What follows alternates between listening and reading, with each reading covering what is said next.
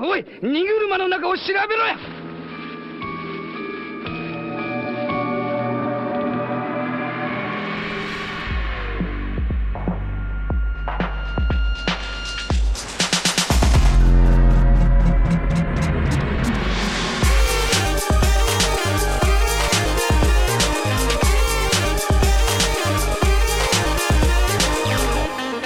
Ahoj, tady Standa Biller a dneska spolu umřeme na sjezdu české nejsilnější politické strany, tedy strany Andreje Babiše Ano. Dal jsem si všechny projevy, které od vrcholných politiků této strany hnutí těžko říct, co to vlastně je, na sjezdu zazněly a tady vám přináším best of.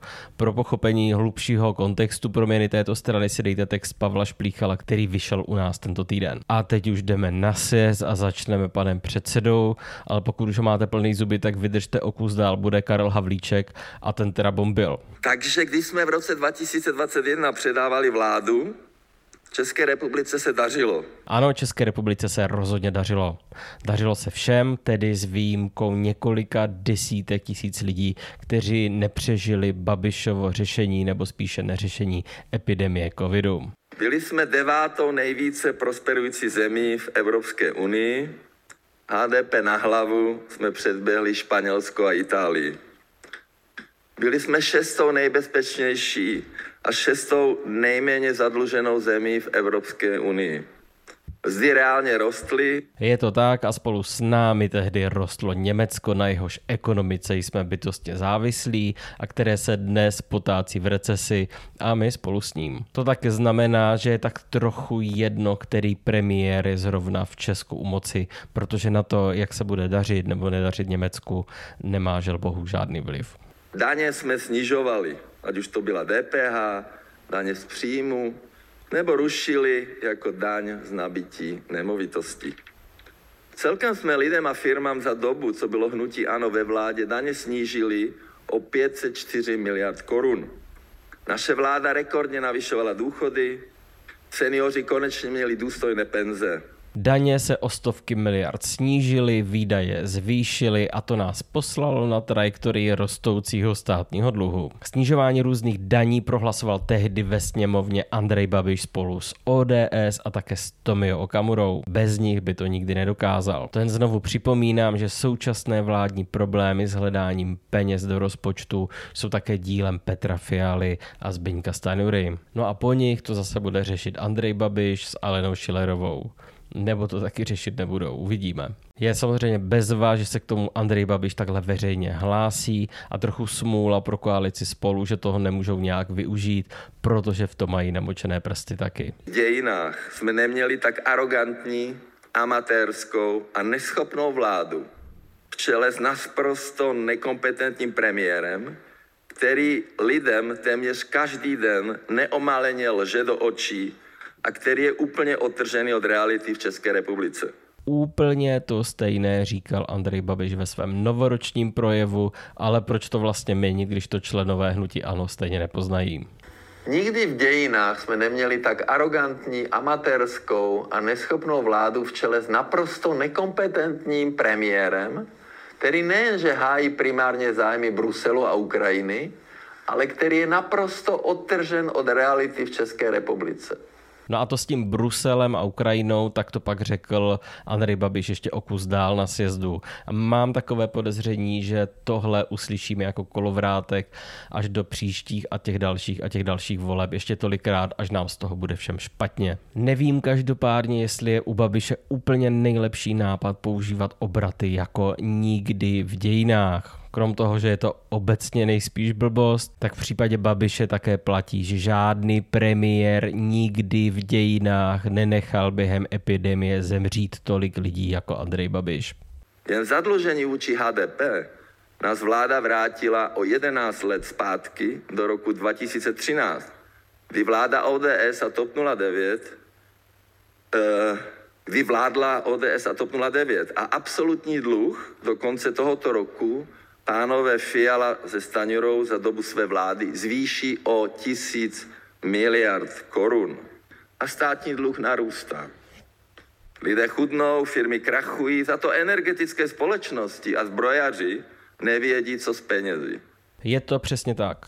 Akorát nějakým nedopatřením Andrej Babiš zapomněl na banky a především na mamutí agrokolchozy, jako je jeho Agrofert. Sám Andrej Babiš díky inflaci, zdražování a chudnutí většiny obyvatel Česka jen za rok 2022 zbohatel o více než 60 miliard korun. No a v tom tkví největší beznaděj české politiky, že nejsilnější opoziční stranu v České republice vede zrovna tento ulhaný a chamtivý oligarcha. Protože na výdělky těch nejbohatších, jako je on sám, nešáhne přesně nikdy a ani se k ním nepřiblíží. Máme u moci vládu, která nechává zbohatnout lidi, jako je Andrej Babiš a ten jim za to nadává nebo se jim posmívá, že jsou pitomci. Strach a závist to je to, co žere naše oponenty nepohodlné a hlavně pravdivé názory, které jsou založeny na faktech, jsou proto okamžitě označeny za dezinformace. Svoboda slova už nemá stejný význam, jako měla dřív a často vidíme snahu ji nějakým způsobem omezit. Vládní strany a část médií se snaží Babiše ulovit na dezinformacích, ale to je pro Babiše domácí hřiště, kde se cítí takzvaně jako ryba ve vodě.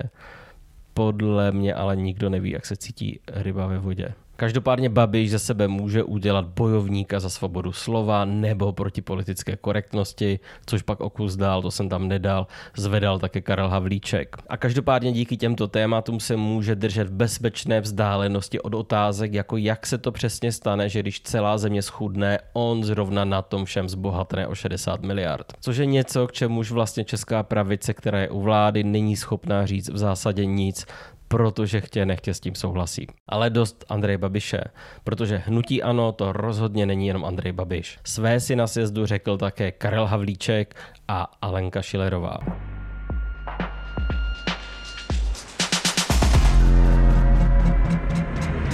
Blíží se rok 2025, kde dojde nepochybně k největšímu politickému souboji od revoluce. A my se musíme připravit na to, že proti ano se sešikují strany, logicky nejen pěti koalice, ale i většina médií, neziskovek a zapojí se všichni ti, eh, kteří vedou svoji svatou válku proti nám. A já záměrně říkám proti nám.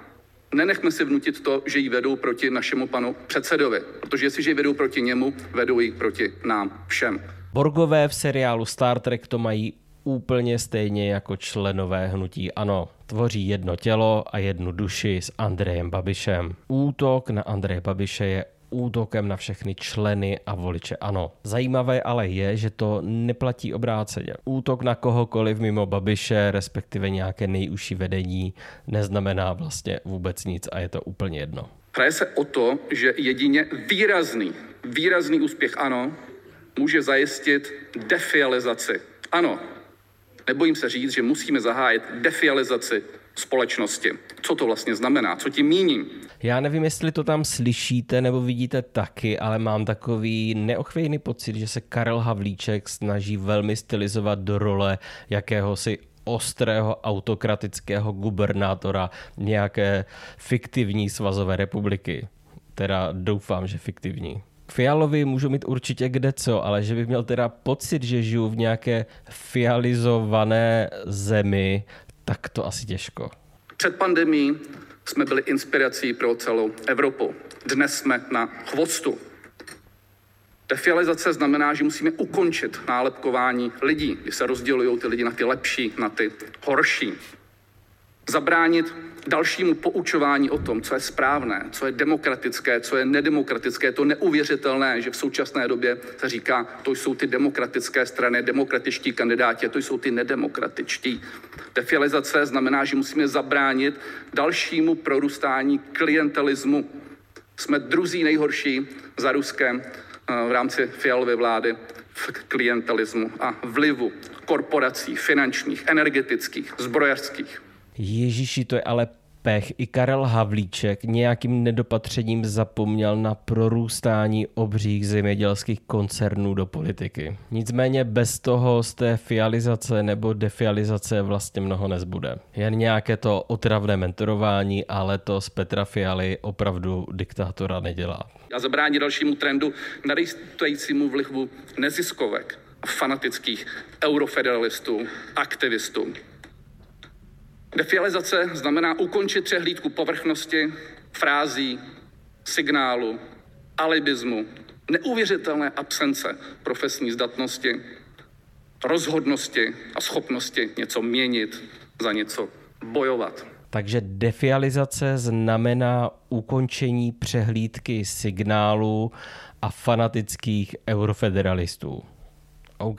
Těch tady teda máme. Naposledy si myslím zakázali se vůbec bavit o přijetí eura. Nicméně hodně fandím tady té poloze říkat dramatickým hlasem s důrazem na každém slově nějaká náhodná slova, která se ani nesnaží poskládat do nějakých smysluplných věd. Z úhlu pohledu energetické inflace, kdy jsme na nejvyšším, bohužel na tom nejhorším stupínku ze všech zemí OECD když máme nejhorší inflaci podle Eurostatu, kdy máme jakožto průmyslová země nejhorší průmyslový sentiment ze všech sledovaných zemí. Co hůře, někteří lidé se bojí veřejně říci svůj názor. Politika nebývale rozděluje a nenechme si manipulovat to, že tomu tak není. Politika rozděluje v současné době rodiny, rozděluje přátele, rozděluje kolegy, úředníky, sportovce, umělce. Co hůře dopadá dnes i na vztahy učitelů a žáků. Nemůžeme předtím zavírat oči, to prostě není normální. Jako tady ty přechody u Havlíčka fakt miluju. Po OECD, jak říká Havlíček, přichází rovnou lidé, co se bojí říct svůj názor. A pak politika, která rozděluje rodiny, školy, školky, lesní školky a dokonce i děti v jeslích a zvířata v lesech nebo v lesích. To prosím není normální a nezavírejme před tím oči. Škoda teda, že se možná o ničem jiném než o rozdělené nebo rozdělení společnosti posledních deset let nemluví. Tak všiml si toho už i Havlíček. A škoda, že jedním z hlavním témat, které dělí rodiny, školy, školky i autoškoly je ku podivu zrovna Andrej Babiš. No a z toho všeho skočil Havlíček bez přerušení rovnou k ekonomické výkonnosti firem. To je jako velký respekt. Biden nebo Trump mluví cesty nebo zapomínají, jak se jmenují nebo kde jsou, ale je jim pro boha alespoň okolo 80. Havlíček je vedle nich potenciálně v podstatě mladík, akorát teda posledních pár desetiletí zrovna asi nespal. Je to i o otevřenosti. Ano, je to jeden z základních pilířů hnutí ANO. Ano, to je jeden z pilířů hnutí ano. A to je výborný, myslím, že to je takový havlíčkův slam tohleto. Je to o zdravém rozumu, určité míře pragmatismu, ne o ideologických receptech. Například klima. Podporujme logicky ekologizaci planety, je to správný krok, ale musí to být vyvážené. Podporujme ekologizaci planety, to je výborný. Já si taky myslím, že planeta by se měla ekologizovat a nechápu, proč to nedělá Ludra 1. Ano, říkám to tak, že musíme všechny ostatní upracovat, protože oni jsou pohodlnější. Oni, zatímco, nebo oni lenoší do sedmi hodin do rána, tak se probudí, dají si snídani, v 8 vyrazí do práce, v půl devátý přijdou zalepenými oči. My, tak my v té době už musíme se vracet z fabriky z Ústí, z Ostravy nebo z Jihlavy, kde jsme se setkali eh, s majiteli a s tamními zaměstnanci. A večer, až ostatní půjdou na víno, tak my opět musíme vyrazit za eh, našimi nejenom voliči, ale za lidmi. Jestliže jsme stranou pro lidi, tak musíme s těmi lidmi komunikovat, musíme za nimi jezdit. Mi teda úplně zatrnulo s tím lenošením, že Havlíček mluví tak trochu o mně, ale na druhou stranu já teda lenoším ještě díl než do sedmi. Myslím, že Havlíček se spíš snažil vymyslet nějakou šíleně absurdní hodinu, u který si ani nemí představit, že by ještě někdo mohl být v posteli a to je pro něj sedm ráno. Prostě nevěří, že by někdo mohl spát tak dlouho nebo že by někdo vůbec mohl spát. Každopádně s tím upracováním, že musí ostatní upracovat, to už má takový solidní náběh na takový začátek nějakého pracovního tábora. Životní úroveň roste, ale bohužel jen vybraným. Naše opatření pro boj s podvody byla zlikvidována a žádná nová nepřišla. A výběr daní je nejhorší od nechvalné éry Kalouska a Nečase. My jsme své sliby ale dodrželi. Když hnutí ANO slíbilo, že daně sníží, tak daně klesly. Když hnutí ANO slíbilo, že zatočí s daňovými úniky a podvody, zavedli jsme EET, daňovou kobru nebo kontrolní hlášení. Slíbili jsme, že se u nás bude žít líp a splnili jsme to do puntíku. Postavili jsme totiž na první místo člověka, jeho životní úroveň a posunuli Českou republiku o pomyslných několik set kilometrů na západ. A životní úrovní jsme dostali Španělsko nebo Itálii.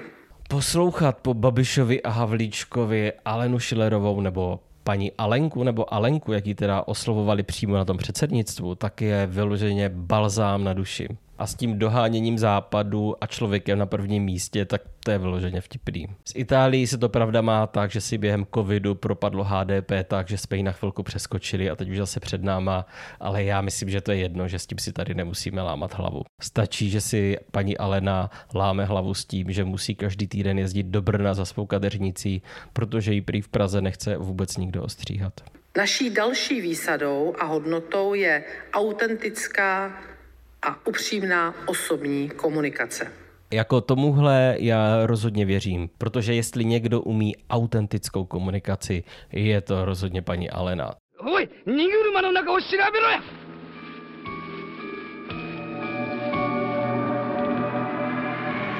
No a to je všechno. Sledoval jsem za vás, nebo spíše pro vás všechny tyto projevy a teď chci minimálně invalidní důchod a MDMA terapii na PTSD, jinak se z toho nedostanu. Každopádně myslete na Marunku, která má pořád hlad, zvažte se zapojit do financování Alarmu a tedy tohoto pořadu a, a ahoj příště.